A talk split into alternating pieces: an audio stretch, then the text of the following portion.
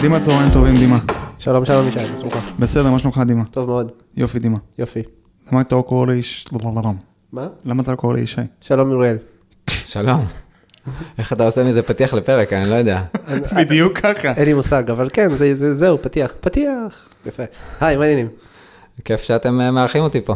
יפה, כיף שבאת. כיף לארח אותך, אוריאל אופיר, נכון? כן, בוא תספר לנו על עצמך קצת, מי אתה?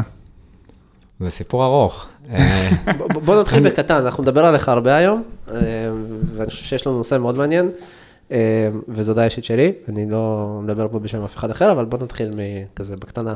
תן לנו כזה. היום אה, אני מפתח בחברת אברה, חברת פרויקטים בפתח תקווה, ומנהל בקהילת מעקף, אה, קוד פתוח, קהילת קוד פתוח בישראל, שמתמקדת במחפשי עבודה תורמים לקוד פתוח, ואני מאוד מאוד נהנה מפעילות אה, של הקהילה בקוד פתוח, ובהקשר הזה הגעתי לפה. וגם בזה שפעם הייתי תלמיד ישיבה מאוד רציני, אברך. אז בוא נדבר על זה. על מה על מה הולכים לדבר היום בפרק? אה, אני חווה חוויה מאוד מעניינת של אה, הקבלות בין העולם שבו הייתי כבחור ישיבה ו- ואברך, לבין עולם התוכנה והקוד הפתוח, ורציתי לדבר איתכם על המחשבות האלה שיש לי בראש, על כל מיני חוויות אה, מקבילות, שונות. סך הכל זה שני עולמות ידע אינסופיים, ובשניהם אה, בני אדם אה, מתפקדים, ויש חברה ו- והתפתחות וכל מיני דברים.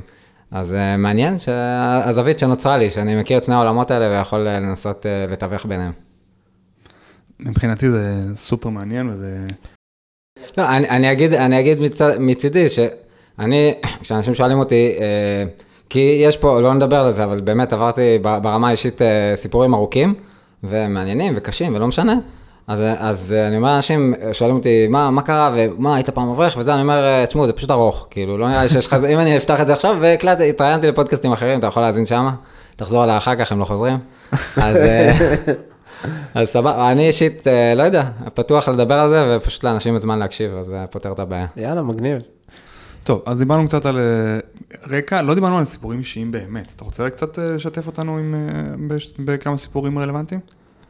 אפשר, אני חושב שיהיה נכון להתחיל כאילו, מהנגיעה שלי בטכנולוגיה שכן הייתה, עוד לפני שמצאתי את עצמי בשנים האחרונות ממש הולך לקריירה הזאתי, אז קודם כל לא באתי ממש ממשפחה חרדית, היה לנו מחשב בבית, אני עוד ראיתי מחשב ירוק, שחור, היה, היה לנו את זה בבית עם אה, משחקים אה, של אולימפיאדה בירוק שחור, והיה כדורסל, והנסיך הפרסי, כל אלה, הייתי שהיה רק שם. שני צבעים, כאילו, זה מה שאתה מתכוון? כן, היה מחשב עם ירוק שחור, 80, XT, לא זוכר. ואז אני זוכר, ראיתי את Windows 95 ביסודי, זה היה כזה, וואו, מדהים. כן. זה חוויה שאני זוכר, אבל זה לא שהייתי עמוק, לא תכננתי ולא אה, הייתי ממש שרוף על זה, אבל בהחלט אה, טכנולוגיה, טכנולוגיה תמיד סקרנה אותי. ובגדול, אה, כשהייתי בתיכון, אז הגעתי למסקנה, אני הולך לעולם התורה, אני מתמסר ללימוד תורה ולהתפתחות רוחנית בישיבה וזה, אז ממש אה, כבר פחות הייתי בזה, למרות שבתיכון עצמו למדתי בישיבה תיכונית מכון לב, זה ישיבה שהיא סמוכה למכון האקדמי מכון לב, וכן היה שם, זאת אומרת, הגעתי לשם בגישה של להתפתח מאוד בתחום הטכנולוגי, ואז בתיכון בעצם אמרתי, לא, אני לא רוצה טכנולוגיה, אני רוצה תורה, אז כן היה חוויה בתיכון שמאוד קשורה, עשיתי שלוש יחידות במחשבים ו... ופיזיקה, וכן היה שם הרבה לימודים טכניים, אבל זה לא היה מסלול שאליו התקדמתי, ובעצם אה, מהתיכון המשכתי ל... לישיבה גבוהה, שבעצם רק לומדים תורה, ולא לא מתעסקים בטכנולוגיה, אבל בגלל שהיה לי את האופי הזה, אז כן אה, דברים אה, נכנסו, ובאותם שנים היה מין... אה, מרובעי פלסטיק עם סליל מוזר בתוכם, שעליהם היו מקליטים אודיו, קלטות. כן. כן, אה, היה דברים כאלה, וכל התוכן של הישיבה, השיעורים היו מוקלטים על קלטות, ואני אמרתי, חבר'ה, בואו נתקדם, יש היום mp3. זה היה חידוש מרענן, ואני זה שהכניס לישיבת הר המור את המחשבים ואת ההקלטות, והיה מאוד אה, כיף לעשות את זה. היה לי שם קטע משעשע, שהיה שלב שהמחשבים העלובים שהיו שם אז התקלקלו, היה איזה בעיה, אז אה, גייסתי כסף ושמתי מודעה עקב אה, תקלת חומרה, אה, נדרש תיקון במחשב וצריך קצת כסף, אז בא אליי חבר ואומר לי, אני לא מבין, מה, איזה חומרה יש במחשב, איזה הלכות יש שם, מה, כולה וחומרה במחשב, לא יודע. אז זה היה קצת להיות, קצת כן הייתי עוף מוזר בקטע הזה. אה, וגם שם, אז היה לי את המקום הזה של אה, לחבר בין אנשים פחות טכנולוגיים לאנשים אה, יותר טכנולוגיים. איך התייחסו לזה באמת מהצד? כי אני מניח שלא היו הרבה אנשים כמוך שהתחברו יותר לעולם הטכנולוגי במקום הזה. אז אני כן אציין שזה לא חרדים הארדקור, אלא תלמידי הרב קוק, אז יש איזשהו יחס עקרוני שהוא חיובי כלפי מודרנה וטכנולוגיה, וסך הכל זה שימש לצורך שיעורי תורה וכתיבה ודברים כאלה. אז אה, סתם אמרו לי שאני מוזר אולי, לא, כאילו, סתם זה היה מוזר, אבל לא שלילי או משהו. אני כן זוכר אמירה, טוב, שיותר מעידה על האופי של הבית מדרש שמה, שכשהתעסקתי עם ההעברה של השיעורים מקלטות ל-MP3, אז בא להם מישהו, למה אתה מתעסק בזה כל כך הרבה? כאילו, לא עדיף שתשב תלמד, מה, לא חבל לך על הזמן? והאמת שזה גם מתחבר לנושא הכללי שלנו, כי גם בעולם התוכנה יש את הגישה הזאת, כאילו, יאללה, שב תכתוב קוד, מה אתה כותב פוסט, מה אתה מקליט פודקאסט, או לא יודע, דברים כאלה. אז אה, כמה, כמה כאילו אתה אומר, אני מקצוען שמתעסק רק במקצוע שלי ולא אכפת לי מכל מה שמסביב, אה, שככה בעולם תורה זה גם קיים, כאילו אנשים אומרים, "אה, אני יושב ולומד, לא אכפת לי מכל העולם, או כמה אתה כן תופס את המרחב שלך מסביב ומעוניין להתחבר אליו. סבבה, אז מפה איך אתה מגיע ל open source? קוד פתוח? כן, אז היה שלב שבו התחלתי לעקוב אחרי תוכן מחוץ לעולם התורה ופודקאסטים וכאלה. אני מאזין מאוד ותיק של רן לוי, ואפילו יש לי קצת קשר אישי איתו היום. ואחד הפרקים של רן לוי היה על נושא הקוד הפתוח. אה, הוא ראיין שם את ריצ'רד סטולמן, אחד מאבות הקוד הפתוח, שבמהלך הפרק בעצם יוצא שריצ'רד סטולמן אומר על רן לוי שהוא אידיוט, כי הוא משתמש בתוכנה של אפל. אז... אה, וואלה, אה, אני כן. צריך לשמוע את הפרק הזה. זה אחלה פרק על קוד פתוח, זה פתח לי את הראש, כאילו, אני זוכר ששמעתי את זה בתור אדם שהוא אברך ועוסק בתורה בעיקר, ואמרתי, וואו, איזה עולם אה, מגניב זה, עולם של חופש ו- ופיתוח ויצירה. מתי אנחנו מדברים? איזה שנה בערך? אה, 2013, 2014, משהו כזה. אה, ואפילו רן לוי הוא עובד עם תמלילים, הדפסתי את זה, הבאתי את זה לרב שלי, ואמרתי לו, תשמע, איזה דבר מגניב זה וזה. אה, ידעת לתכנת באותו רגע? לא, בשלב הזה בחיים? לא. אז לא ידעת, סתם כאילו שמעת את המושג קוד פתוח או open source או איך שמע, ש- לרן לוי היה. פרק מרתק על מכולות בנמל, בסדר? אז כאילו open source נושא יותר קל. אה, פשוט אני סקרן. לא, סבבה, הכל טוב, אני מנסה להבין קונטקסט פשוט, בגלל זה אני שואל. אז זה היה בקטע של העניין, שזה פשוט עולם מעניין, ועם ריצ'רד סטולמן זה היה גם מאוד אה, סיפורי כזה, כאילו אחרי זה רן לוי הוציא את זה מחדש, אה, עם הערות, עם מיתון, כאילו של המלחמה של הטהרנים של הקוד פתוח נגד אה, השטן, גוגל, ביל גייטס וחבריו. אז, אה, אז פרק שהיה כאילו מאוד אה, אה, קוד פתוח הארדקור, אה, כאילו פרי סופטוור, אה, זה היה מרתק להאזין, ומאז היה לי פינה חמה לקוד פתוח בלב, אה, וכמו רבים אחרים, הייתי מתוסכל. זה כאילו, מדברים קוד פתוח, קוד פתוח, קוד פתוח, בסוף, אה, זה לא, מה עושים עם זה? זה קשה באמת להתחבר לזה. אז התסכול הזה ליווה אותי הרבה זמן. אוקיי, אז בסדר, שמעת קצת, התלהבת מקוד פתוח, אה, אתה עדיין בחור ישיבה, אה, נכון? אה, טוב, פה נעשה דילוג, אה, זה איכשהו, באמת נדלג על הסרטים בחיים האישיים שלי, תרצו, תאזינו לזה בפודקאסט אחר. ומאותו בחור ישיבה, יש לנו תלמיד לתואר במדעי המחשב במכללת ספיר, שמאוד חולם, למרות כל הנסיבות האישיות והקשיים, כן להצליח לעבוד כמתכנת ולהתפתח בזה מבחינת קריירה. וקוד פתוח סקרן אותי. אה, ניסיתי להיות פעיל, לדבר עם אנשים, וזה אמרו לי, בוא, תכתוב אה, מאמר על קוד פתוח, אם אתה לא ממש יודע לתכנת. לא ידעתי, כאילו, גם אם הייתי תלמיד תואר, לא, לא ידעתי לתכנת. המשכתי לעקוב, אבל זה היה, נראה לי, מעבר להרי החושך, כאילו, אה, אתגר גדול מדי. תכלס, רק בחודשים האחרונים הצלחתי לפתח את זה, ועם הפיצוח הזה גם פניתי לקהילה, ו- ולעזור עם זה לאנשים אחרים. מה היה הפיצוח? Uh, הפיצוח היה שיש קוד פתוח שהוא גם משמעותי וגם לא יותר מדי כבד. זה קרה כשהייתי ב... אתה אומר כבד, בעצם מסובך, גדול מדי. Node.js, React, כן, לינוקס. כאילו, אחי, לא יודע, אני, תן לי, אני, אני עוד עושה טעויות בג'אווה סקריפט, כאילו, עכשיו אתה אומר לי לינוקס, כאילו. הייתי במיטאפ והציגו שם ספריית אה, קומפוננטות של React, של מאנדיי, ואמרתי, "אה, קומפוננטות של React, כאילו, זה לא מורכב, זה אולי עם הרבה הרבה פריטים, אבל זה, אין פה איזה משהו מסובך, זה כפתורים וטבלאות וכל מיני אלמנטים עיצוביים, אבל אין פה איזה משהו יותר מדי מסובך.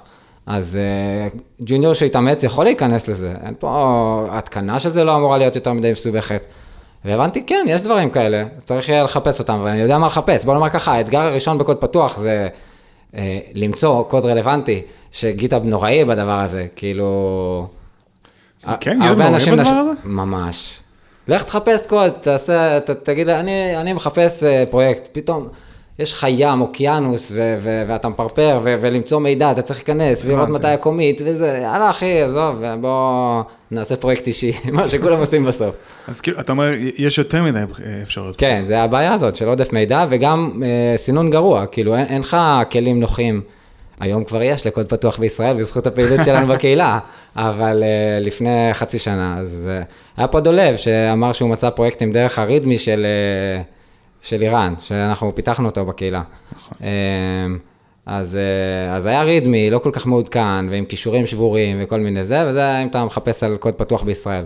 ו GitHub באופן כללי זה סיוט, כאילו אם אתה לא מתמקד אפילו בישראל, אז אתה אומר, יאללה, אני מעניין אותי ג'אווה סקריפט. אוקיי, עכשיו בוא תבחר פרויקט מתוך אה, 3,000 פרויקטים בג'אווה סקריפט, תעבור אחד-אחד ותסתכל כמה הם פעילים, אחי, לא, לא, בוא נלך נעשה פרויקט אישי. אוקיי, אז... אה, לא, רק תחשבו מה התוצאה, שכל אחד עושה פרויקט אישי, ואז יש לך עוד אלפי פרויקטים אישיים להסתכל עליהם בגיל. כן, כל מיני כאלה, boilerplate כן, כן. ו greenfield ודברים כאלה. מגניב, מה, בוא, בוא נזרוק אותך לשאלה קשה, מסובכת, שנדבר עליה הרבה זמן. מה הקשר בין קוד פתוח לתורה? זו שאלה יותר מדי כללית, אז אני אנסה לזרוק משהו שיפרט את זה, אבל אה, בוא נתחיל עם זה שמדובר בתחומי ידע ויצירה אינסופיים. אין לך הגבלה על היצירה התורנית, כמה היא יכולה להתרחב, כאילו יש לה גבולות גזרה מסוימים, אבל בתוכם, באמת, אה, זה, זה מומחיות של יהודים, לעשות מכל דבר עניין, זאת אומרת, איך קושרים את הנעליים בבוקר, איך אה, הולכים לישון בלילה, אה, באמת כל פינה בחיים, שזה... יש דרך מסוימת בהלכה לקשור נעליים? ודאי. די, נו. אני לא ידעתי את זה. גם אני לא. טוב, בסדר. זה תמיד, אה, החילונים עושים פדיחות. אז, אה, אז אה, כן, כשאתה, קודם כל ימין זה הצד החשוב. אז לכן כשאתה נועל נעליים, אתה שם קודם את נעל ימין, אחר כך את נעל שמאל, אבל אז בקשירה, בגלל שאת התפילין קושרים על יד שמאל, אז קודם כל קושרים את רגל שמאל, ואז קושרים את השרוך בצד ימין. כן? סתם אתה אומר. לא, מה פתאום, זה הלכה מפורשת, אפילו אולי שולחן ערוך. נראה לי שולחן ערוך. זאת אומרת, זו הלכה וואו. שכתובה במקום מאוד מרכזי, זה לא איזה וואו. אחד, אה, איש מקובל באיזה פינה בספרד, כתב את זה ועשו את זה כסגולה. זה הלכה... טוב, מה, אם ניכנס ל- ל- לכמה ההלכה נכנסת לחייו של האדם, ה- ה- שומר המצוות, זה, זה לא ייגמר, לא, לא. ואנחנו יכולים לעשות איזה קורס ונעצור פה. לא, לא, אנחנו לא, זה- זה לא לשם הולך הפודקאסט, סתם זה... אבל זה. אינסופי, אתה מבין שזה אינסופי, ואותו דבר, אה, לא יודע, אם תלך ל- לשפות תוכנה ופריימורקים וזה, זה אינסופי, וכל הוויכוחים האלה, טאבים, גרשה, אה, רווחים, אה, כל הדברים האינסופיים האלה. ש... אז יהודים, יש להם מומחיות, כל הגמרא זה ויכוחים אינסופיים על נושאים שפשוט, זה שם בשביל להתווכח, כאילו, זה לא בכלל, אה, אולי... אה, זה, זה בגמרא כאילו זה יותר קיצוני, בעולם התוכנה בסוף אתה יודע, it's need to work, זה צריך לעבוד. בעולם התורה, לימוד תורה הוא לא, יש בו צד מסוים, שבסדר, צריך הלכה, צריך לדעת מה לעשות, אבל uh, רוב הזמן שלומדים בישיבה זה סתם בשביל להתווכח, כאילו לפתח את ה... זה כאילו קוד וורס, זה, זה אתרי תרגול לקוד, זה לא הקוד עצמו. אה, מעניין, אז זה דווקא דיברת פה על דברים שהם קצת שונים בין, אה, בין עולם התורה ל, אה, לקוד פתוח, או באופן כללי לקוד. אני שנייה אאסוף אותנו רגע, ואני, אולי, אולי, אולי כדי ש... אולי, אולי היינו צריכים לעשות את, זה, לעשות את זה בהתחלה, להגיד שאנחנו באים לפה לדבר על, על הקשר בין קוד פתוח לתורה, ועל, ועל כל מיני מקומות שבהם אנחנו רואים דמיון, או, או להפך, כן, או, או כן. הבדל. אוריאל, בשונה מהמסלול הרגיל שאנשים עושים, נכנסת ל open source, בכלל לתוכנה, בגיל שהוא יחסית אה, מבוגר, אחרי שעברת כבר כמה דברים בחיים. אה, אתה יכול לתאר לנו את החוויה הזאת? השאלה שאתה שואל היא מתחברת גם לנושא הכללי, כי החוויה הזאת שאני חווה היום, שהיא בהחלט חוויה שונה, אה, להיכנס לעולם הקוד בגיל מבוגר ועם חוויות חיים כבר שצברתי, אז מאוד מזכיר לי מה שאני הכרתי מהצד השני, כשהייתי בעולם התורה ושם אה, הייתי בפנים מגיל צעיר, אז ראיתי אנשים חילונים חוזרים בתשובה, ובדיוק אה, גם דיברנו על זה קודם, שמה, יש דבר כזה, איך לקשור את הנעליים, כאילו כל מושג שדתי יודע בכלל אה, בלי לחשוב עליו, אז בעל תשובה מתחיל אותו מאפס, והרבה פעמים אני עכשיו, כשאני נכנס לעולם הקוד, אז אני רואה כל מיני אנשים שהייתי אומר שהם כאילו בשפה תורנית רבנים לקוד, יש להם המון ניסיון והמון שורשיות בעולם הזה, ואני כאילו, וואלה, לא יודע,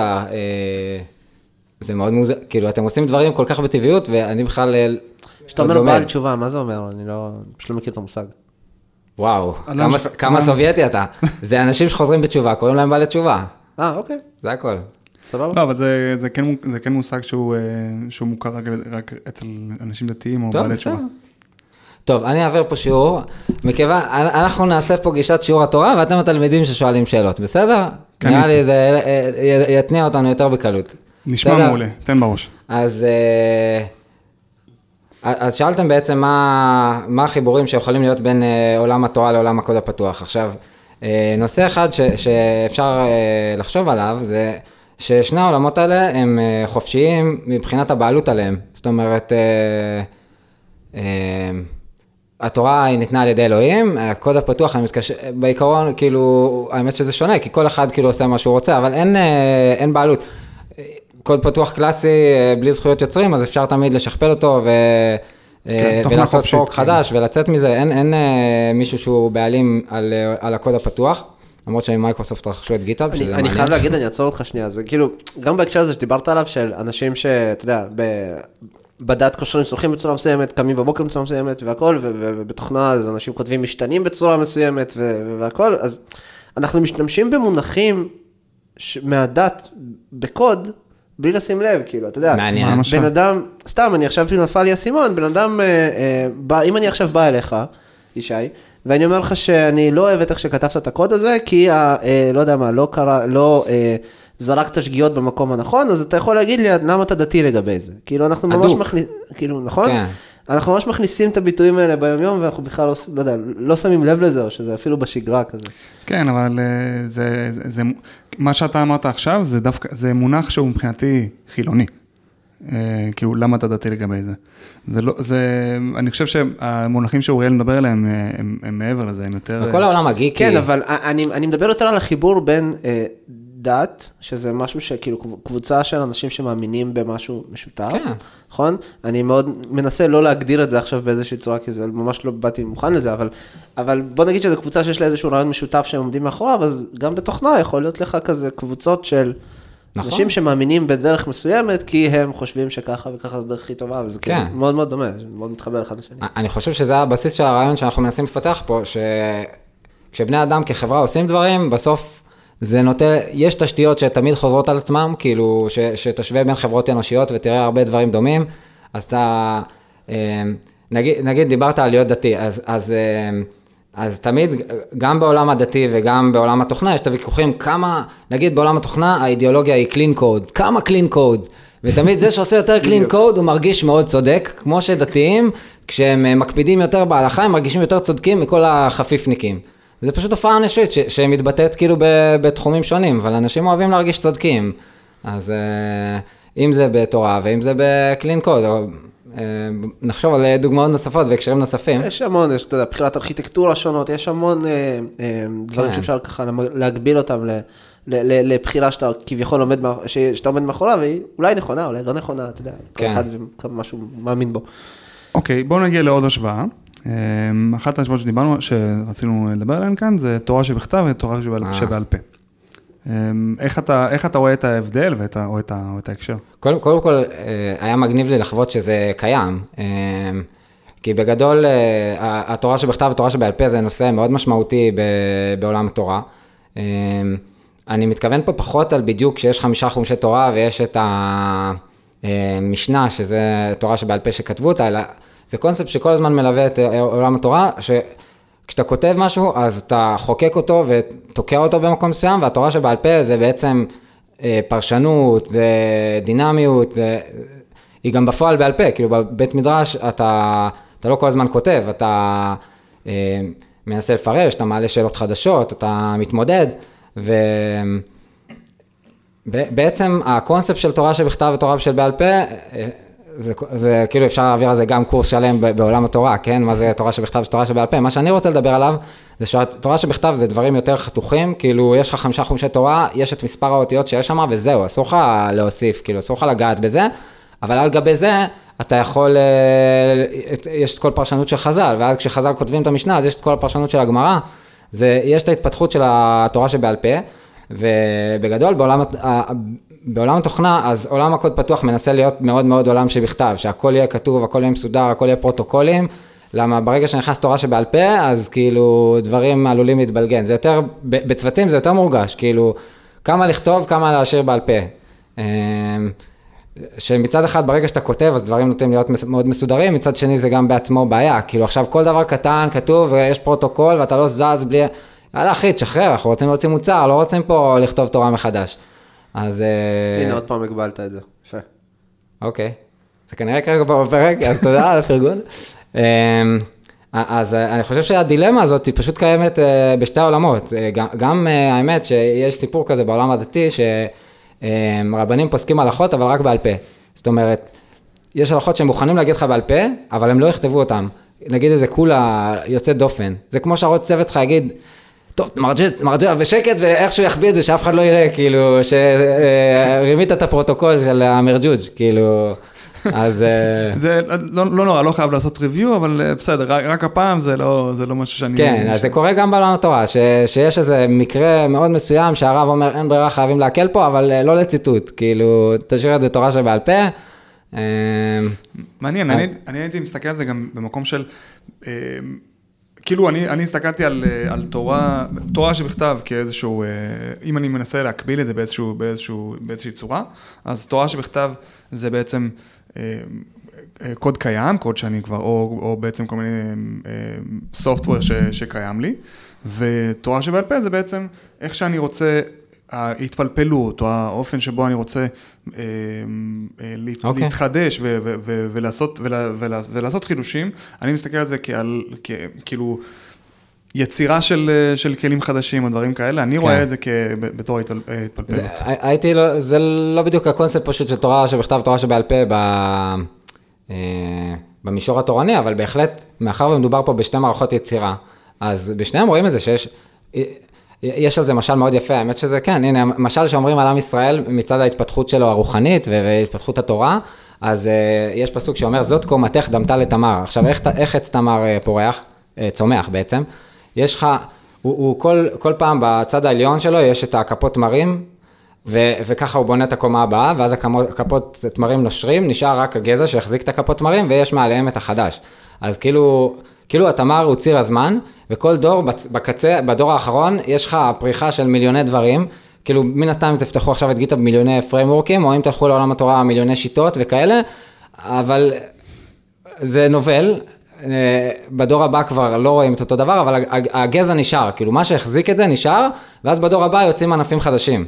אז אה, לגמרי אומרים את זה על עולם התורה, וזה נראה לי גם תיאור יפה לעולם התוכנה. כאילו אם תיקח את כל הדברים שפיתחו בכל מיני זמנים וחשבו, כאילו זה היה מאוד פורח ומאוד ססגוני, אבל זה לא נדבק בגזע, אז דור אחר כך זה הופך להיות עבודה של היסטוריונים, וכאילו אף אחד לא עובד עם זה. מעניין, אז כאילו הכפות מרים, הכפות מרים האלה שדיברת עליהן, זה מה שהיית קורא לו חידוש תורה, או שזה משהו אחר?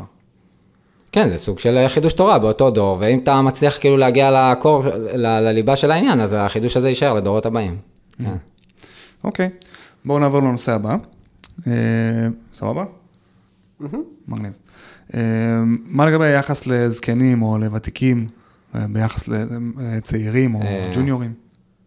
אז בעולם התורה, בבסיס, היחס לזקנים הוא, הוא הכי חשוב שיש. משה קיבל תורה מסיני ומסרה ליהושע, אז בעצם התורה נמצאת בצורה יותר אמיתית אצל משה, ומי שקרוב אליו, אצל, ה, אצל הזקנים. אמ, ובקטע הזה, אני לא יודע להגיד בצורה חכמה על עולם התוכנה, אבל אה, זה מרגיש אחרת, כאילו, אה, יש יותר דיבור על אה, גילנות ועל מי שמבוגר כבר לא חד ולא מעודכן ולא יודע, וכאילו הצעירים מאוד עפים על עצמם. אז, אז זה משהו ש, שאני חושב ש, שהוא לא דומה. כן אפשר לדמות, אבל שיש את המעמד הזה של סיניור שאמור להורות את הדרך לצעירי הצאן, אז זה, לפחות בקונספט זה אמור להיות ככה, בעולם תוכנה. זה אולי בהגבלה יותר רב, לא? כלומר, מישהו שככה אומר, ככה עושים, כי אה, כן. א', ב', ג' כזה. אה, נכון.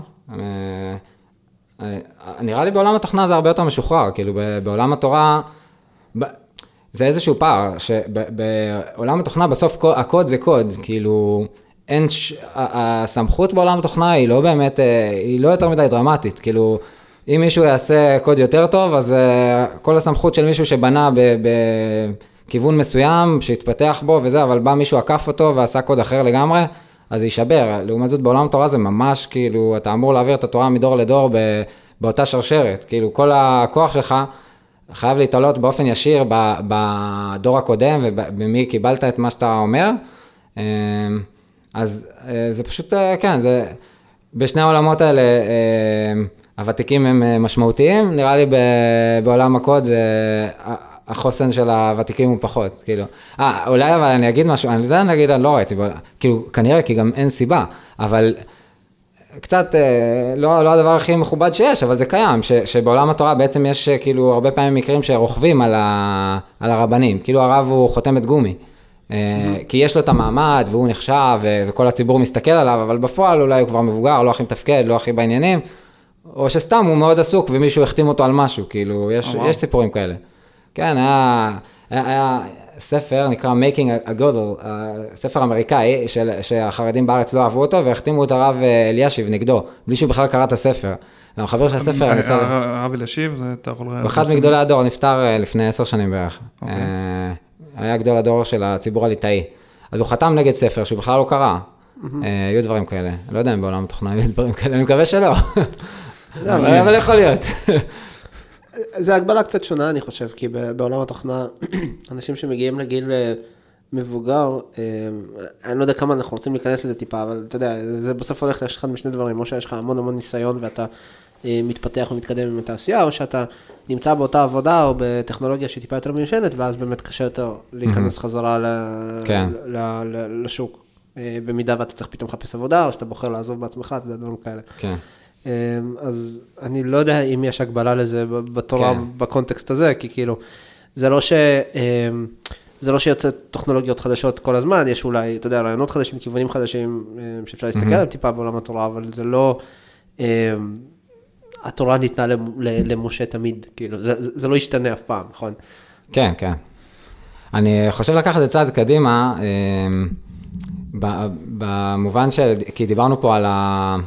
תורה כ- כמסורת שמשתרשרת לדור לדור, ועולם התוכנה עם האנשים המבוגרים שנמצאים בו. אז uh, יש עוד קונספט שבו הוא נראה לי יותר דומה בתפיסה של היצירה, זאת אומרת, uh, זה נעשה בצורה שונה, אבל בשני המקומות, העשייה הזאת בידע היא יוצרת, זאת אומרת, בעולם הקוד זה ממש מוחשי, כאילו אתה כותב קוד ואז מריץ אותו. וכתבת איזשהו טקסט בעצם, והמחשב לוקח אותו ועושה מזה את כל הניסים האלה, כמו שאנחנו מקליטים פה פודקאסט. ומבחינת התפיסה של עולם התורה, אז גם התורה היא סדר העולם, כאילו, היא הקוד של העולם בעצם. האמת היא, הסרט מטריקס, טוענים שהוא נעשה על בסיס אה, תפיסות קבליות יהודיות. כן. למה טוענים? זה... זה נאמר מפורש, לא יודע. אף פעם לא, ראיתי את הכותרת הזאת ביוטיוב, אף פעם לא לחצתי על הסרטון, אבל... כמה שזכור, אני אה, לפני, וואו, לפני עשר שנים קיבלתי שיעור מבחור ברסלבר בבית צפת. שדיבר, האמת, אני לא, אף פעם לא בדקתי את זה, אבל דיבר כן, על כן, זה ש... כן, כן, כנראה זה נכון, שהתסריטאי של מטריקס אה, נחשף לקבלה יהודית, וזה נתן לו את הרעיון שכל העולם זה בעצם קוד. אז זה אפשר, זה, זה מילים קצת אה, שונות ממה שיגידו בעולם התורה. יש אה, מדרש חז"ל שאומר שהקדוש ברוך הוא הסתכל בתורה וברא את העולם. שהיא התוכנית עבודה, בסדר, זה מילים קצת יותר קלאסיות מאשר להגיד, אבל זה אותו עיקרון בעצם, שהיא הקוד של העולם. עכשיו, כשאתה לומד תורה ואתה מגיע למסקנה מסוימת, אז, אז, אז uh, כל הזמן היהודים אמרנו שהם אוהבים לחפור, מגלים עוד דברים שאפשר לדקדק בהם, עוד איזה רעיונות חדשים וזה. אז אתה בורא עולם רוחני, uh, לא רואים אותו בדיוק, ובעולם ההלכתי זה נגיד יותר מוחשי, אבל uh, אני חושב שזה, שזה אולי הסבר נגיד למה אני מצאתי את עצמי בשני העולמות האלה, כי אני אוהב יצירה אינטלקטואלית. אז, והם נותנים לך את זה באקסטרים, זאת אומרת, עם ספרות נגיד, סתם לא הייתי מסתדר. אה, כי כאילו, או לא יודע, אולי מחקר היסטורי, לשם המחקר ההיסטורי, כאילו אני צריך את החוויה, כשלמדתי תורה, אמרתי בוא, אני, אני אגיד לכם את זה באקסטרים, יש איגרת של הרב קוק, הוא אומר, כשאדם לומד תורה ובעצם פועל את הפעולה החיובית הזאת, אפילו האריות באפריקה נהיים יותר עדינים. אתה אומר, וואו, איזה דבר אני עושה, וכשאני כותב קוד, ו... ופתאום נגיד בפרויקט שלנו עכשיו אה, הרבה יותר קל לחפש קוד פתוח, וואו, עשיתי משהו, כאילו, זה כיף. כאילו על עברו... היצירה הזאת, כן. שהיא ממש כאילו משנה את העולם, זה לא אה, איזה סיפור שמישהו מספר, איזה שיר כזה, זה קורה משהו מתוך מה שאני עושה. דיברת על זה קצת לפני כן, על זה שאתה נהנה אה, לתכנת, ומצד שני אתה גם נהנה ללמוד תורה. את- כשבשיחה המקדימה שלנו אמרת שיש, שיש הקשר מעבר לזה. אה, אני אציין כאן גם איזשהו, איזה שיר ששמעתי של, של הברירה הטבעית, אה, שמדבר על, אה, אה, השיר נקרא אצלנו בכפר תודרה, שמדבר על ילדים שמתחילים ללמוד עברית עבור לימודי תורה, והטקס שהם עושים זה בעצם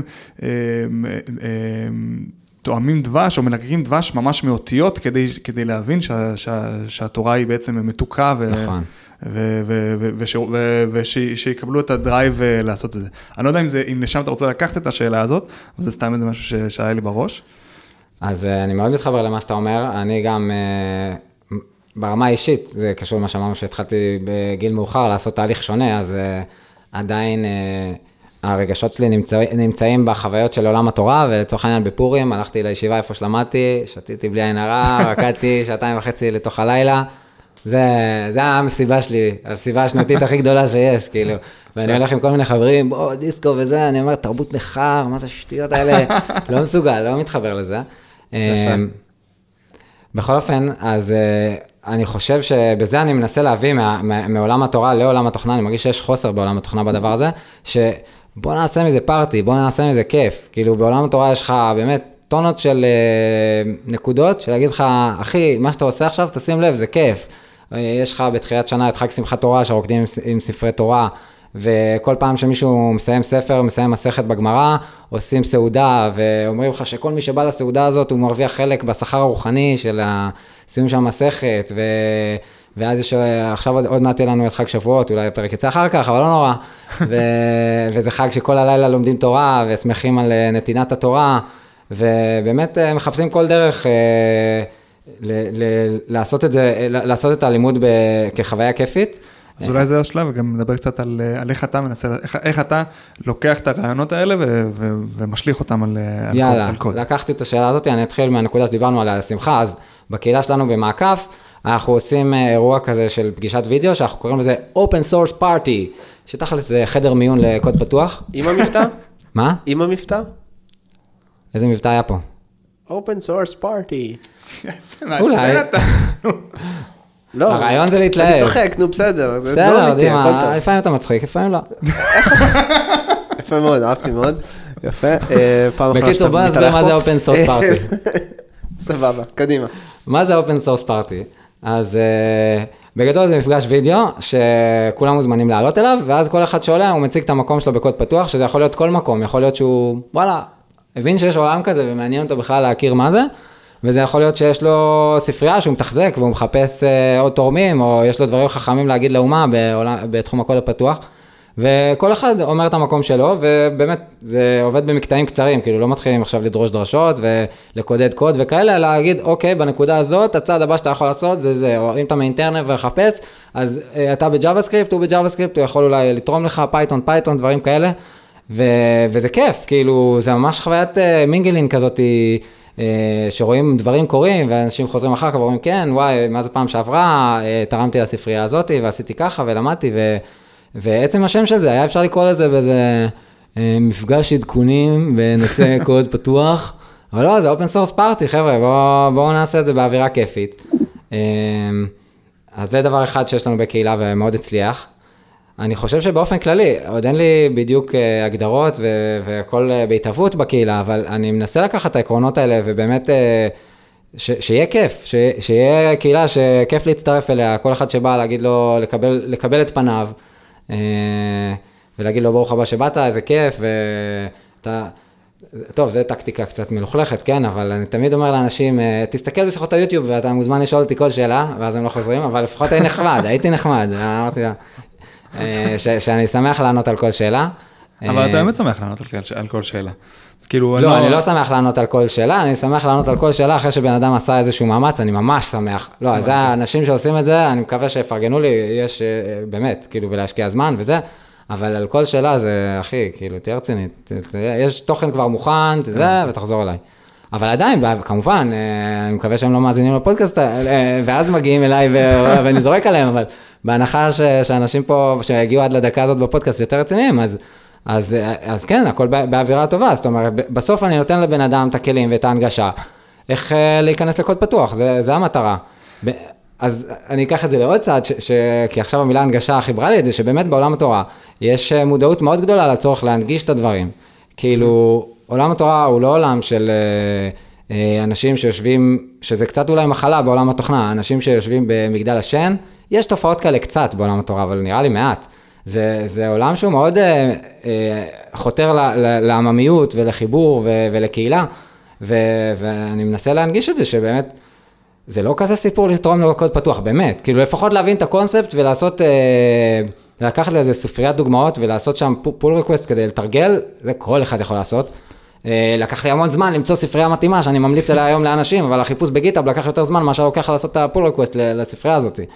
אה, אז אתה אומר שההבדל הוא בהנגש, בהנגשה הספציפית של, אה, של אה, ש, להיות חלק מהקהילה, כש, כשבעולם התורה זה הרבה יותר, זה הרבה יותר שם, כן. הרבה יותר הולך ל, כאילו, ל, לדבר עם אנשים, ל, ל, להנגיש את זה כמה שיותר, כמה שיותר כשבצד, כשמהצד השני אתה מרגיש שאין את זה, וזה בדיוק היוזמה שאתה עשית עם כן, יכול להיות שזה משהו שאני תורם, דיברנו על בעל תשובה, שאני מביא את העולם מושגים שלי, ואני אומר, חבר'ה, מהעולם מושגים שלי, אני יכול לומר לכם שחסר לכם פה דברים, אולי אתם אפילו לא מודעים לזה. אה, אני אנסה לתרום את חלקי, אני שמח לראות שזה עובד, ו- ומי שזה עוזר לו, אני שמח לעזור. אה, וכן, אני חושב ש... ש- שאני מקווה שאני אביא עוד הרבה רעיונות טובים שיעזרו לאנשים ליהנות מהעולם של הקוד פתוח. אה, מגניב. כאילו אני, כמה, כמה, כאילו, תקופה ארוכה, עכשיו, חשבתי ש, שהכל מאוד מאוד מאוד מאוד אה, פשוט ו, ו, ו, ואפשר, אה, ואפשר לגשת ב- באופן יחסית קל אה, ל- לקוד פתוח, ואני כל הזמן רואה את היוזמות האלה ואני אומר לעצמי, בואנה, נכון, באמת אפשר לעשות אנחנו את זה הרבה זמן עושים את הפודקאסט הזה, וכבר, אתה יודע, אולי הוא לא הבן אדם הראשון שאומר את זה, שקשה להיכנס לפרויקטים ב open source. כן, אבל אני אולי מהראשונים בישראל שלקח על זה אחריות ובאמת מנסה להנגיש. לגמרי.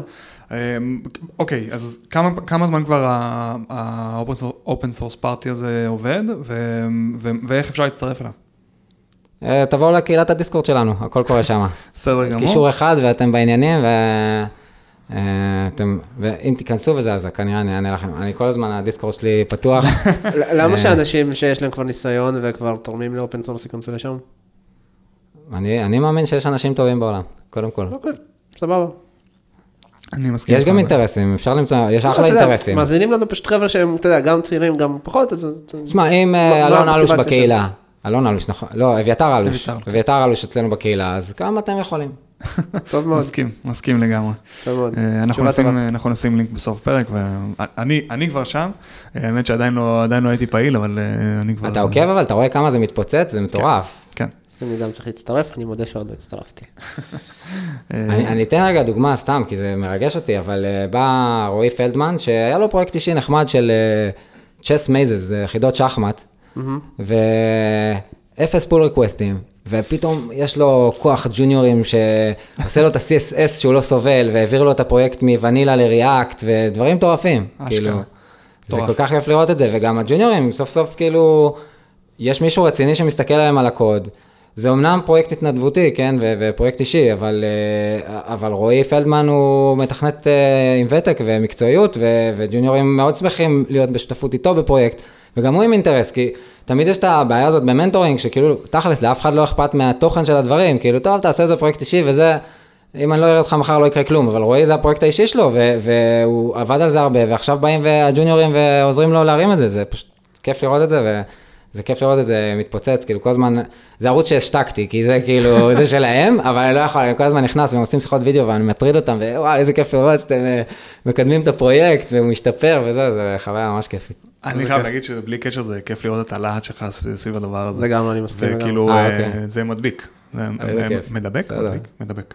בסוף אנחנו זה- נתרום אני- ל open אני אגיד source. פה דבר תורה על העניין, דיברתם על הלהט, אז זה ממש בבחינת, גם אפשר להגיד בעל תשובה, שבאמת הכל בסוף פה, כל הפרויקט הזה נובע מהכאב שלי, כי לפני שנה הייתי בחיפוש עבודה והייתי גמור לגמרי מבחינה נפשית, זה היה כל כך מתסכל, בדידות ו- ואובדן דרך, וכאילו אוקיי, אני מצליח לעשות דברים בתכנות, אבל זה לא מביא אותי לגביע הנכסף של עבודה, אני רוצה משכורת, לא רוצה עוד פרויקט אישי. או, ו... ופשוט כאילו אמרתי לעצמי, אני למקום הזה לא חוזר, גם אם אני מחפש עבודה, זה לא יהיה אותו דבר, הייתי צריך כן שיתבשלו הרעיונות ובסוף אה, שיתחברו לי הדברים, שאני אבין מה אני יכול לעשות, אבל בסוף זה, זה באמת, המנוע זה, זה הכאב שחוויתי ברמה האישית, כג'וניור אה, עם קורות חיים נוראיים על הנייר, כאילו, אה, אה, אין, אף מעסיק, באמת אני מבין, כל מעסיק שדחה את הקורות חיים שלי אני מבין. אה, אתה רואה את הדברים האלה, מנסיבות אישיות, הקורות חיים שלי היו זוועתיות, ועדיין, אני, אני מתכנת בסדר גמור, כאילו, מעסיקים אותי היום ומרוצים ממני, ואפשר גם לראות בפרויקט שאני עושה עבודה מאוד יפה, אבל הקורות חיים שלי בגלל נסיבות אישיות לא נראות ככה. ו- וזה כאב לי, וידעתי שזה יכול להיות אוכל. אחרת, והצלחתי ליצור פה מציאות שהיא נותנת לאנשים אה, משהו אחר, ואני שמח בזה. מדהים, זה מעורר השראה, באמת. אין- חושב שצריך מילה להגיד. על זה דבר תורה, אבל אה, יש הרבה דברי תורה, איך מתוך ההצהרה, מתוך המשבר צומחים התיקונים, ומתוך כך. זה, מאוד. גם בעולם התורה זה קיים. הכי קרוב שאני יודע זה מאז יצא מתוק, זה כל מה שאני... לא, אני יכול לתת לך על זה דרשות ארוכות, אבל לא לא נעלה את הקהל. בסדר גמור. במעבר חד, אה, שאלה ש, שאתה ואני, אוריאל, אה, קצת אה, דנו, דנו בה קצת לפני הפרק, על האם צריך תואר אה, כן, עבור... אה, שאלה עבור- שרלוונטית גם בעולם הקוד וגם בעולם התורה. אני מהאסכולה, ב- בישיבה שבה למדתי, היה את גישת לא צריך תואר. כאילו, בוא נאמר ככה, שזה נכון גם בעולם הקוד וגם בעולם התורה. אם בן אדם הוא באמת גדול, אז לא צריך תעודה שתעיד על זה. הגדלות שלו מעידה על זה. הוא יודע, כל שאלה תשאל אותו בתורה, הוא יודע. כשאנחנו מדברים על, על, אה, על אה, תעודה, אנחנו מדברים על, על, על אה, להיות רב בעצם, או שאני טועה. כן, במ- היום במדינת ישראל יש תעודה שהרבנות הראשית מנפיקה, אחרי שבן אדם עושה מבחנים, הוא רב, רב עיר, רב שכונה, יש בזה כמה אה, רמות של, mm-hmm. של התואר הזה. אה, אני בישיבה שלי האסכולה הייתה שלא צריך תואר, לא, אני אישית לא, לא עשיתי שום אה, לימודים אה, שנועדו לקבל אה, הסמכה, אלא למדתי תורה לשמה זה נקרא, כאילו לשם הדבר עצמו, בלי תנאים צדדיים, בלי רצון להוציא מזה תעודה. אה, אבל, אז, טוב, נו, בעולם התורה אני משוחד, יש לי דעה נחרצת שלא לא צריך תואר וגם, אה, אבל, אבל זה, אני חושב שזה בדיוק אותם טיעונים כמו בעולם הקוד, כאילו אם אתה כותב קוד טוב, אז מה צריך את התעודה שלך, ואם אתה יודע לפסוק הלכה, אז מה אני צריך שמישהו נתן לך תעודה, ואם ייתנו לך תעודה ואתה פוסק הלכה גרוע, אז מה עוזרת התעודה הזאתי? אז יש שם כאילו- פוסקי הלכה ש... שלא עברו את ה... כל הגדולים החרדים אין להם תעודת הסמכה, למרות שאולי הם קיבלו הסמכה ספציפית מרב, כי יש אה, עניין כזה, אבל לא, התעודת הסמכה של הרבנות כתואר, אתה לא תמצא את זה אצל הגדולים בעולם החרדי. אוקיי, בעולם הדתי-לאומי או החרדי. אה, סתם זה יותר מקובל, אבל, אבל גם לא יגידו, יגידו לך בסדר, במהלך החיים שלי עשיתי תואר, כאילו, אה, הלכתי למבחנים ברבנות ועברתי אותם, זה לא, לא באמת, אה, מה, גם אולי היו את ההצעה, אני, מבטא פה עמדה מסוימת, כאילו בעולם התורה, יש ישיבות אולי אינדיבידואל. שיסתכלו על זה אחרת, אה, אני, פשוט הטיעונים הם מאוד דומים, זה, זה מה שיפה, שבסוף אה, זה עולמות תוכן, אם אתה טוב, אתה טוב, אם אתה לא טוב, אתה לא טוב, ותעודה זה איזשהו סימן, זה לא, לא יותר מזה, ויהיו כאלה שיגידו לך אחרת, אני מהאסכולה הזאת. אה, אני איתך, כן? דימה, מה כן. אתה חושב? אני מודה שאני לא יודע לקחת צד בעניין, ולכן אני... אה, שומר על זכות השתיקה. כן. האמת שאני סתם מרותק, כאילו, זה פשוט מעניין אותי ממש. אוקיי.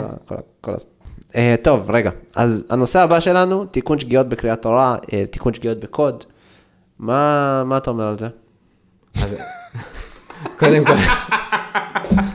מה אתה רוצה? לא שאלתי- שמע, לפחות הוא זכר את השאלה. לא שאלתי מה הקשר. מה אתה צוחק? סבבה, אה, סליחה. יופי, הרסת לי עכשיו. לא, לא, לא, לא, לא, תחתוך את זה בעריכה, ואני אענה על השאלה עכשיו. כן. אז אני רוצה לקחת את זה רגע למקום איזוטרי. אה, אני לא יודע להגיד אם זה אופי מובנה או שזה תהליך שהיה לי בחיים, אבל אה, בגדול אני יודע שיחסית לאחרים יש לי הרבה פחות אה, פחד קהל. אז לפחות אני תולה את זה שהייתי בעל קורא בבית כנסת כשהייתי נער. מה זה מה בעל זה קורא? אומר? אה. מי אתה מדבר. כן. אז בעל קורא זה בעצם כל שבת אה, קוראים מהספר תורה עצמו את פרשת השבוע, וזה מיומנות, כי אתה צריך לקרוא מדויק. בספר תורה עצמו אין לך ניקוד ואין לך את הטעמים, שזה בעצם המנגינה, את הסימון של המנגינה, אתה צריך להכין את זה מראש. ו... ואתה צריך להתכונן ואז לעלות, ואתה קורא מול הקהל. עכשיו, בשונה ממיטאפים, הקהל עוין. זאת אומרת, המשחק הוא, לא כולם, יש חלק שנרדמים, חלק קוראים דברים אחרים ומשתעממים, אבל יש חלק מהקהל שהעניין שלו זה לתפוס אותך טועה. כאילו, זה, זה המשחק. והם פשוט צועקים לך תוך כדי? כן. היא, כאילו אתה אומר הוא, היא, היא, תעצרו אותו, תעצרו אותו, יחזור על הפסוק ויקרא אותו נכון, כאילו. זה- ממש ככה. אסור, אם, אם, כאילו יכול להיות, כתוב ה' ו' א', וצריך לקרוא את זה היא, ואתה קרא את זה הוא, אז הם קופצים, היא, היא, קופצים לך מאחורה, זה, ואז מתחילים ויכוחים, הוא טעה נכון, הוא אמר נכון, אתם לא שמעתם, זה, זה כאילו, אבל אתה עומד מול קהל עוין, כאילו, ככה אתה בא, אתה יודע שאתה צריך לקרוא, אבא שלי הכי גרוע בזה, כאילו, אצלו, עד שזה לא מושלם, הוא היה מאוד מאוכזב מהבן שלי בבר מצווה, שזה כבר, לא, הדורות פוחתים, כאילו, אצלם, הוא אומר, "מי- מה זה הבית כנסת הזה שלכם, ככה אתה תקרא והכל יהיה בסדר, מה זה הדבר הזה? אז... אז, אז יש את הקטע הזה ש, שאני חושב שזה עזר לי להתחשל אה, בעמידה מול קהל, וכאילו, אני אומר, תשמע, כבר אני מגיע לקהל, אני יוצא מהנחה שהוא לא עוין אותי, אז זה כבר טוב, זה כבר, אה, עוד לפני שפתחתי את הפה, אני לפחות אה, מרגיש קצת יותר נעים. ובגדול, אני חושב, כאילו, אם ניקח את זה קצת ליותר רחב מאשר התיקון של קריאת התורה, אז העובדה שהתורה זה דבר שכולם מסתכלים עליו, זה, זה כמו קוד פתוח. ו... ו- טוב, זה כבר אה, עולם שלם של חוקרי התורה והמסורת, כי כן היו טעויות ויש התפצלויות וויכוחים וזה, אבל בגדול, עצם המערכת הזה זה, זה אותו קונספט כמו שיש בעולם הקדול פתוח, ולמה לינוקס בעצם נחשבת מערכת האבטחה הכי, סליחה, מערכת ההפעלה הכי בטוחה, mm-hmm. כי כולם מסתכלים עליה. זאת אומרת, אין, יש שם פחות מקום לנפילות, וכל נפילה מיד, הרי דולב היה פה, הוא סיפר, הוא מצא טעות אה, בקומנט שכתבו שם מילה לא נכון, וזה היה חגיגה, וואו. כאילו, באמת, אחי, טעות בקומנט, כאילו, איזה שטויות, אבל, אה, אבל לינקס, כולם מסתכלים על זה, אז, אז יש מנגנון כזה, גם בעולם התורה, ש, ש, שהיא פתוחה לכולם, וזה אמור ליישר אותה. אה, זה מורכב, אה, בעולם התוכנה בכלל אין לי מה להגיד כמה זה עובד או לא עובד, בעולם התורה זה, זה כמובן מורכב, כי... אתם יודעים מה, זה פורקים, עושים פורקים פשוט, כאילו מתווכחים, ואז אומרים, לא אחי, אתה... טוב, אתה לא זרם מדויק." חדש. אה? זרם חדש. כן, אז... אה, אבל עדיין, עצם הקונספט הוא מאוד עוזר, כאילו, ש, שאנחנו עובדים עם תוכן שפתוח לכולם, ו, וככה אה, שומרים עליו אה, במסגרת אה, תקין. האמת זה, דיברת על פורקים וזה, זה יכול להיות נושא שלם חדש, כן? כאילו? אה, זרמים ואיך, ו- ושכשיש לך איזשהו... אה, אה, תתקנו אותי אבל forkים בעולם התוכנה, כי אני פחות אוכל להגיד את זה, אבל כאילו distribution של לינוקס, מן הסתם. אה, של לינוקס, זה יכול להיות, בדיוק עכשיו אה, ראיתי ש- שעש- שעשו fork ל Rust אה, בגלל משהו, אה, וואלה. כן, וה- וה fork, לא fork, אבל כתבו, הי- הי- הייתה איזה פעם שכתבו את React מחדש, כי הם, לא, זה לא הגיוני, כן? יואו, אתה יודע מה צריך לעשות? סליחה? זה- זה הולך להתפרק. רגע, רגע. תן לי רגע לסיים את זה הזה. לעצב. כתבו את React מחדש, כי, כי פייסבוק הוציאו license חדש, ש, שבעצם אומר שכאילו מייצר יותר מדי proprietary מה, מה open source של React, אז מישהו כתב את React מחדש, את כל ה-API מחדש, רק, אה, רק לא על ידי React, וכאילו, ושהוא יהיה תוכנה חופשית, כל מיני דברים כאלה. כן, ותוכלי התוכנה החופשית כל הזמן קיימים. נו, עכשיו אני יכול? עכשיו אני יכול? נו, אתה יודע מה קרה כשמצאו אה, שגיאת אבטחה בראסט? אה, זה היה חלוד, מה? לא יודע, מה? עשו לזה פורק וקראו לו פרויקט טראסט. סליחה, זהו, סיימתי. וואו, דימה. מה, זה היה מצחיק. את זה נגיד, אה. הייתי מוציא בעריכה. רגע, אבל היה לי, כשדיברת, עלה לי משהו ממש טוב, אה, עוד הקבלה. מה דיברת, על פורקים וכאלה? מה דיברת שם באמצע? פורקים וכאילו ההקבלה, ו- וש, וש, ושבעצם, כאילו ההקבלה שלי לעולם, לעולם התורה או ארכיוני או, או, או של, אה, של זרמים בדת, כאילו, שברגע ש, שיש איזושהי הסכמה או משהו כזה, כן. או איזשהו אירוע, אירוע רציני שקורה, אז עושים, אה, אז עושים פורק. אה, כאילו זרקת את זה גם כן ב- ב- בשתי מינים. אני, אני אגיד את זה עוד קצת, אולי תיזכ- תיזכר, ש- ש React, כאילו, פייסבוק הוציאו, הוציאו, אה, נו, אה, license אמרת, כן, license. license שהוא קצת, אה, שהוא קצת פולשני מדי, ולא, וקצת הופך את זה ל proprietary של, אה, של פייסבוק, אז, אה, אז החליטו לא, לש- אז מישהו, מישהו פתוח, פשוט פתח React חדש, וכאילו מימש את ה-API מחדש. לא קשור, תומר. לא, אולי אולי אני אצטרך בזה, זה, לא, עלה לי משהו, הקבלה שפותחת איזה נושא שלם, אבל אה, זה ברח, זה חלף בראש וברח, לא נורא. לא נורא. אה, כן. אה, רגע, אה, אה, עכשיו נזכרתי, זה היה קשור לשמחת התורה. סיפורי צדיקים, אוקיי, זה, לא יודע. תוך כדי השיחה פה נזכרתי, כי גם קודם הזכרנו את הנושא של שמחת התורה, וגם זה משהו שאני מרגיש שחסר בקוד, שיש, אה, הרבה עניין בעולם התורה בסיפורי צדיקים, אה, בסיפורי מופתים, בס... ב... בלתאר את הדברים בצורה כיפית. אני מרגיש שזה, מה זה חסר? כאילו, לצורך העניין, אה, סיפרתי על? הפרק הזה של אה, רן לוי, והייתי, מה זה שמח אם היה יותר תוכן כזה, של... אה, מעלים, לא יודע, באמת לא ראיתי תוכן שעושה את זה טוב, ש, שלוקח את, ה, את עולם החוויות שמסביב לעולם התוכנה, ולא יודע, מתאר, אה, אה, סיפ, מתאר סיפור חווייתי של, של, אה, של, של מתכנת, איך הוא מתפתח, ו, ומה קרה שם, ואיך היה לינוקס וזה, כאילו, בעולם התורה, כשאתה, כשאתה לומד, ו- ויש לך גם את הדמות של הרב, זה לא רק התוכן, לא רק התורה שהוא כתב, אלא גם האישיות שלו, זה יותר כיף ככה. כאילו, אני מרגיש שזה ממש חסר. אבל דווקא שתדע לך, אני לא מסכים. יש אה, כל מיני מקומות, אה, כל מיני... או, אוקיי, אני אגיד אולי את זה עושים אחרת. את זה גרוע. זהו, אני אגיד את זה אחרת. יש, אה, אני חושב שאולי מבחינת אה, כמויות, ואתה יודע, ובאופן יחסי, אז, אז באמת אה, אה, סיפורים, וכל העולם הזה של, של סיפורת אה, אה, יהודית, הוא באמת הרבה יותר אה, אה, רחב, אבל גם בעולם של, של קוד פתוח יש כל מיני... אה, אה, סרטים תיעודיים, דוקומנטריים אה, על, אה, על, על, על עזוב, זה סרטוני יח"צ. טוב, גם בעולם לא, התורני לא, זה לא, הרבה. פעמים סרטוני יח"צ. לא, לא, לא, סרטונים על לינוקס, נכון, על Kubernetes זה היה סרט- סרטון יח"צ, אבל עדיין- יש כל מיני סרט- אני מרגיש שזה סרטים מאוד. חסר, ויש מה לעשות בעניין הזה, שפשוט תהיה איזושהי חוויה כיפית, כאילו, מסביב, ולחוות את הדמויות, ולהרגיש את החלק אה, גם אה, מ- מ- מסיפור כזה חברתי, ולא רק, אה, אוקיי, יש פה שורות קוד שעובדות ככה ואחרת, ו- וכל הדבר הזה.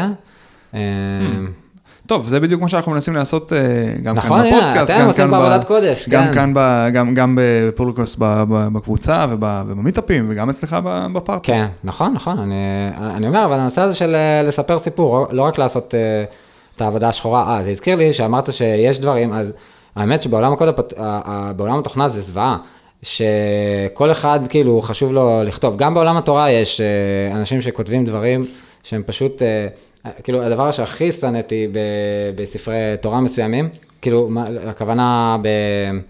ספרי הלכה, לא ספרי תורה של הבית כנסת, אלא ספרי, אה, ספר, ספרות תורנית, זה השם, בספרות תורנית, זה, יש אנשים שהם רוצים להוציא ספר, מאוד חשוב להם שיהיה ספר אה, עם עבה, שבכריכה יהיה כתוב את השם שלהם, ו, ו, ושזה יצליח קצת למכור. אז הם, יש הרבה ספרים כאלה, ראיתי כנראה כמה, אני לא זוכר, את כולם לא אהבתי. שו"ת עם הרב חיים קניבסקי, מי שמכיר, הרב חיים קניבסקי נפטר לא לפני הרבה זמן, והוא היה מאוד בולט בקורונה, שהיה לו פסיקה להמשיך את הלימודים למרות המגפה. ו...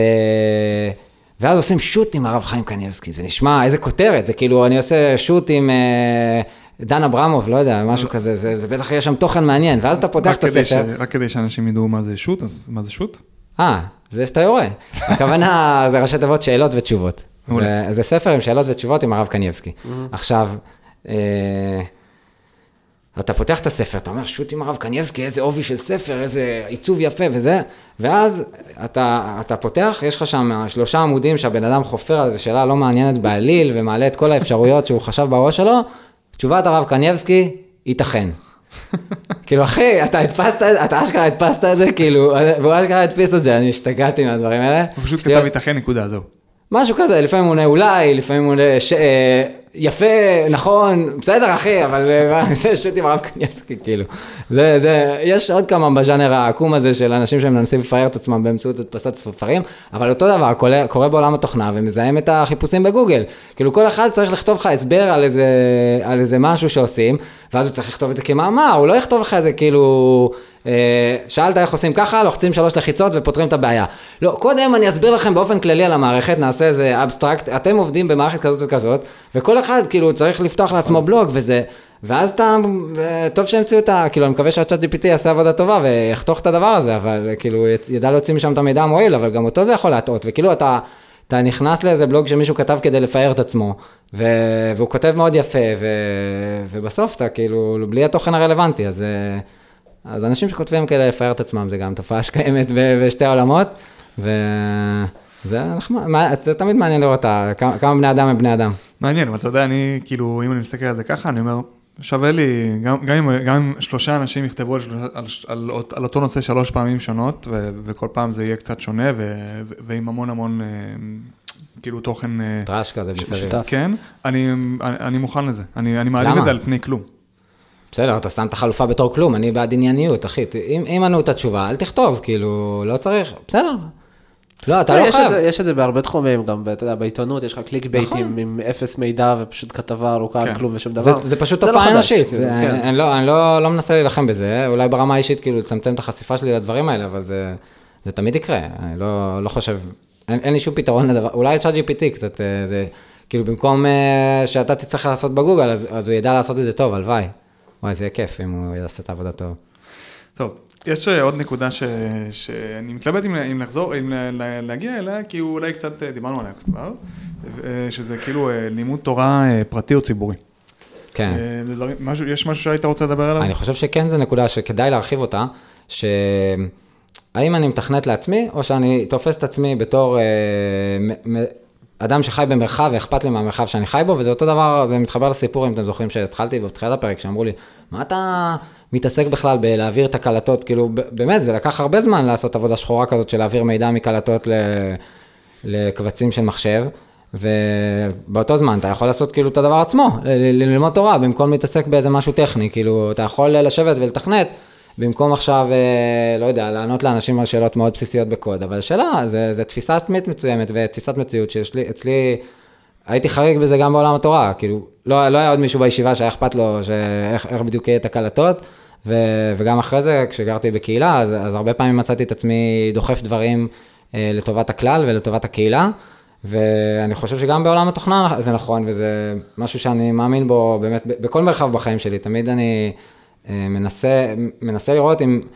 גם צריך ללמוד כאילו לעשות טריקים כדי שזה, בקלות אתה יכול להעמיס על עצמך אם אתה נכנס למקום כזה, אז לא להיות יותר מדי נחמד, אבל, אה, אבל כן להיות קודם כל עם גישה שאני לא חי פה לבד, אני רוצה להיות עם תשומת לב למרחב שסביבי, ו, וגם בעולם התוכנה, אני, אני באמת מזמין את כולם לנסות להיות עם מרחב כזה, יש אה, אמירה יפה של הרבי מלובביץ', הוא אומר, אה, אם למדת ב', למד, לומדים א' ב', אתה כבר בב', אז אתה יכול ללמד את מי שעוד לא יודע את א', זה ממש ככה. וגם, האמת, אני, יצא לי להגיד את זה בקבוצה שלנו לחבר'ה ש- שהם בתחילת הדרך, ואני אומר לו, אם אתה תכתוב בלינו, ב, סליחה, בלינקדין, פוסט שמתאר איך, נגיד זה פוסט שהייתי באמת לפרסם אותו פעם בחודש, יש אה, ב-VS Code אה, תוסף שנקרא פיקוק, שהוא צובע לך את ה... אה, את ה-VS Code לפ- בכל ספרייה, הוא צובע לך אותו אחרת. הוא כבר, אה, הוא כבר הומלץ כאן, בפינה. אז בסדר, לא משנה, הוא, הוא די בסיסי, אני מאמין שהרבה אנשים מגלים אותו, אבל אתה צריך לגלות אותו, ולא כל אחד, כאילו, יכול להיות שבן אדם פספס את ההמלצה הזאת. עכשיו, אני לא אמליץ לזה כל חודש כי זה מטומטם, אבל ב, לדעתי, כל אחד ש, ש, ש, שמגלה את זה, אז כן, תכתוב כדי להפיץ את הידע הזה הלאה, כאילו, אל תשאיר את זה לעצמך. לא צריך לכתוב דברים, לא לפאר את עצמך ולא זה, שוב, לא, אל תכתוב עכשיו פוסט במדיום, there is VS code and there is, אחי, תכתוב בלינקדאין, בואנה, עזר לי, אה, עכשיו הנ- הנראות של ה-VS code שלי יותר טובה, וסבבה, וכנראה כמו שאתה לא ידעת את זה עד עכשיו, אז יש עוד מישהו שלא ידע, והוא במעגל שלך, והוא יראה את זה, והוא יראה איך אתה יוזם, וכאילו, באמת, יש משמעות לזה, שבן אדם במקום שהוא נמצא, הוא מספר על מה הצעד הבא שלו, וזה תורם לסביבה המיידית שלו, כי... אה, טוב, name dropping, אבל לצורך העניין, רן ברזיק כותב על מה שהוא עשה, אני, זה, אותי יש את זה די מייאש, איכשהו תמיד מסתדר, כאילו, גם הוא פוסט, כותב כנראה את הפוסטים ערוכים, אבל כאילו, זה נראה שהוא מצליח ללמוד טכנולוגיות ב, ב, ב, בצורה מהירה, זה החוויה שלי, כאילו, אני, אני לא... אני לא מרגיש שאני ורן ברזיק, אה, כשהוא כותב דברים, אני נמצא ב-level שרלוונטי למה שהוא כותב. ו, וכשמישהו כותב על ההתפתחות האישית שלו מהמקום שבו הוא נמצא, אז יכול להיות שאפשר להסתכל על זה מלמעלה ולזלזל בו, אחי, כאילו, גילית את פיקוק, מי ישמע? כאילו, ה-VS קוד שלך נראה קצת יותר טוב. אז זה אומר מתנשא שמסתכל מלמעלה, אבל סביב הבן אדם הזה יש עוד המון, כולה, יש טונות של אנשים שלומדים תכנות, וכל אחד מתקדם בצעד קטן, ולפעמים גם אתה, נגיד אני גיליתי לרועי פלדמן את האפשרות אה, ב-VS Code באתר, אתה לוחץ על נקודה רווח וזה עובר לך ל... כן. מגיטאב זה עובר ל-VS Code, אם אתה נכון. בגיטאב וזה. לא כל אחד מכיר את הטריק הזה. אז כאילו, בוא נהיה בגישה של שיתוף ידע, לא, לא בכלל בלי תחרות, כאילו, גם אני בעד שרן ברזיק יכתוב מה שהוא כותב, זה ייגע בי כמה שזה ייגע בי, או בכל אחד אחר. מעולה, בוא נהיה באווירה של שיתוף ידע. אמ, אז, אז זה לגמרי, גם בעולם התורה זה לא תמיד ככה, כאילו יש אנשים שכאילו מתנשאים ואני יודע תורה ואין לי כוח אליך, אתה לא מבין כלום, אין לי כוח לדבר איתך, עד שתבין מה שאני מסביר לך, אני כבר מעדיף לעשות משהו אחר, זה לא, לא הגישה שלי, לא בעולם התוכנה, לא בשום דבר. אני בעד, אה, אה, לכן אני גם מתחבר לקוד פתוח, עולם, עולם מאוד, אה, כמה שאפשר לעשות שיתופי וכיפי וקהילתי, אני אוהב את זה. אני נותרתי חסר מילים. לא סתם, כאילו באמת זה לא, זה היה מונולוג מאוד יפה, מאוד ממש, ברור. ממש אה, ככה, וזה גם אה, מסכם יפה את ה... בכלל את ה- בכלל את הפרק, אני חושב. נכון. אמ, תוך כדי הפרק, אה, חשבתי אולי, אם, אם קופץ לך מהראש, אם כן אז מעולה, ואם לא אז, אז נחתוך את זה בעריכה. אם יש לך טיפים למי שרוצה לא לקבל עזרה, אלא לתת עזרה.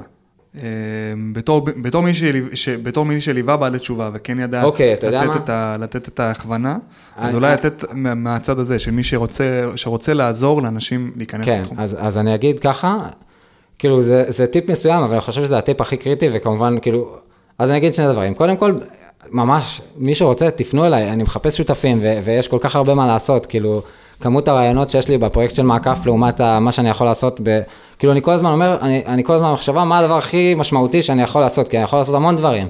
יש לי מיליון רעיונות, אני אומר, אני צריך עכשיו לעשות את הצעד הבא שיקדם את הפרויקט בצורה הכי משמעותית, ולא את מיליון הדברים האחרים שהייתי רוצה לעשות, שגם יקדמו את הפרויקט, אבל uh, נשאיר אותם כרעיונות למישהו אחר.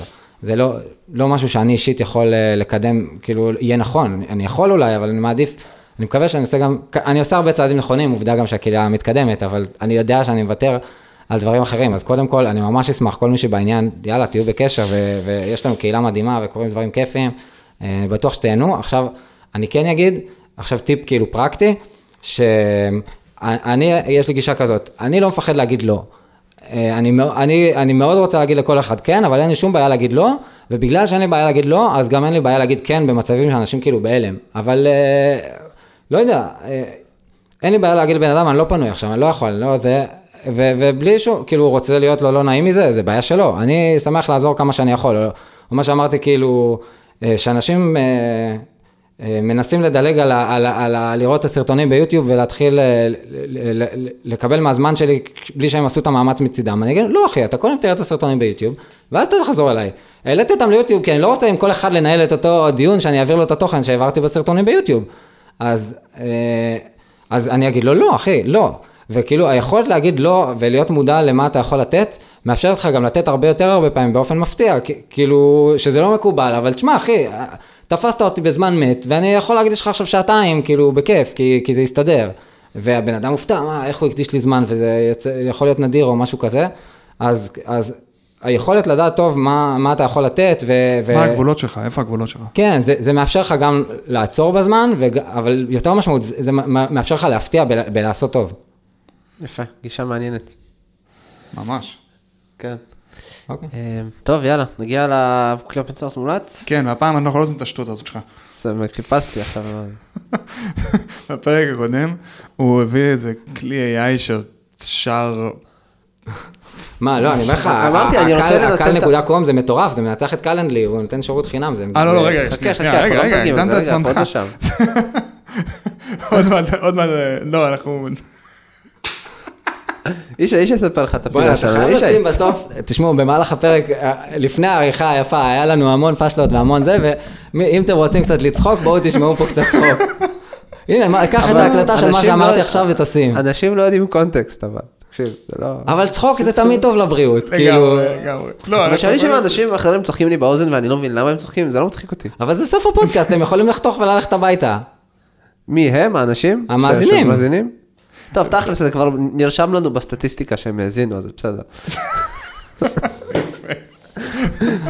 טוב, אה, יאללה, ישי. נעבור, לפינת. אתה שר, למה? ככה. אה, נו. רוצה, יש לי פה מפוחית. בוא ננסה לעשות את זה. אה? אתה יודע לנגן? כן. יאללה, תעשה לנו. טוב, זה, מה יהיה קשור למשהו? אה, אה, נעשה קלאסיקה כזאת של... אה, כי מציון תצא תורה נגיד.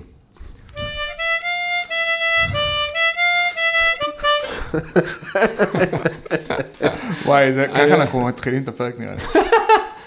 טוב, תנו לי רגע לנגן כי מציון אחרי זה תחתוך, תעשה מזה מה שאתה רוצה. אבל זה מוכר, נכון? כולם מכירים כן, את כן, המגיע. כן, אז- כן.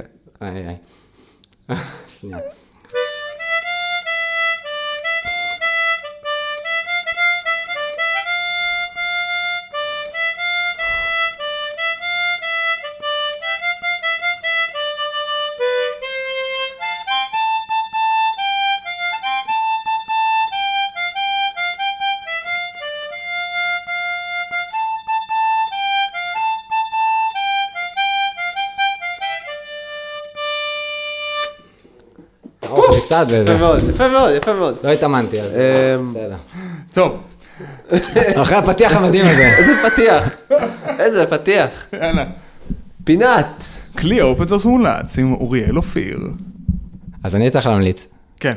במקרה. במקרה לא התכוננתי מראש, אבל פגשתי אתמול, באמת משהו מדהים, אה, זה, זה כתובת האינטרנט זה cal.com, cal.com, שזה מתחרה open source של Calendly, שעושה עבודה יותר טובה מ Calendly, ובחינם נותן לך אפשרות אה, לעשות יומן אישי, כי הם מתמקדים בצוותים. אה, לא הסתכלתי על ה GitHub שלהם, זה open source, אבל הכלי עצמו פשוט כיף, כאילו Calendly בחינם לאנשים פרטיים. תשמע, הם תפסו דומיין מטורף. cal.com, כאילו, זה, זה, וואו. הם כן, יכולים לא לעשות ברור. עכשיו כאילו מאות אלפי דולרים רק על הם הכתובת. כנראה אבל שילמו למישהו, אני לא יודע. אתה אומר שזה open source? אני לא יודע, אבל אה, זה נראה כאילו פגז. כן, זה open source. אה, עם 18 K stars. לא, ברור שזה open, 18 K star זה מלא. אה, טוב, מגניב. קיצור, בוא, זה, אוריאל, ממש כיף שבאת. יאללה, מחכים ל- למשוב מהמאזינים, אנחנו כולנו פה ממש נשמח. אה, ואם כבר אמרת, אז אנחנו אה, נשמח אה, שתצטרפו לדף- לדף הפייסבוק שלנו, קוד פתוח, הפודקאסט, אה, וגם דף הלינקדאין, אנחנו תמיד נשמח לשמוע שאלות ו- ורעיונות לפרקים חדשים. אכן, תמיד. תודה רבה. תודה.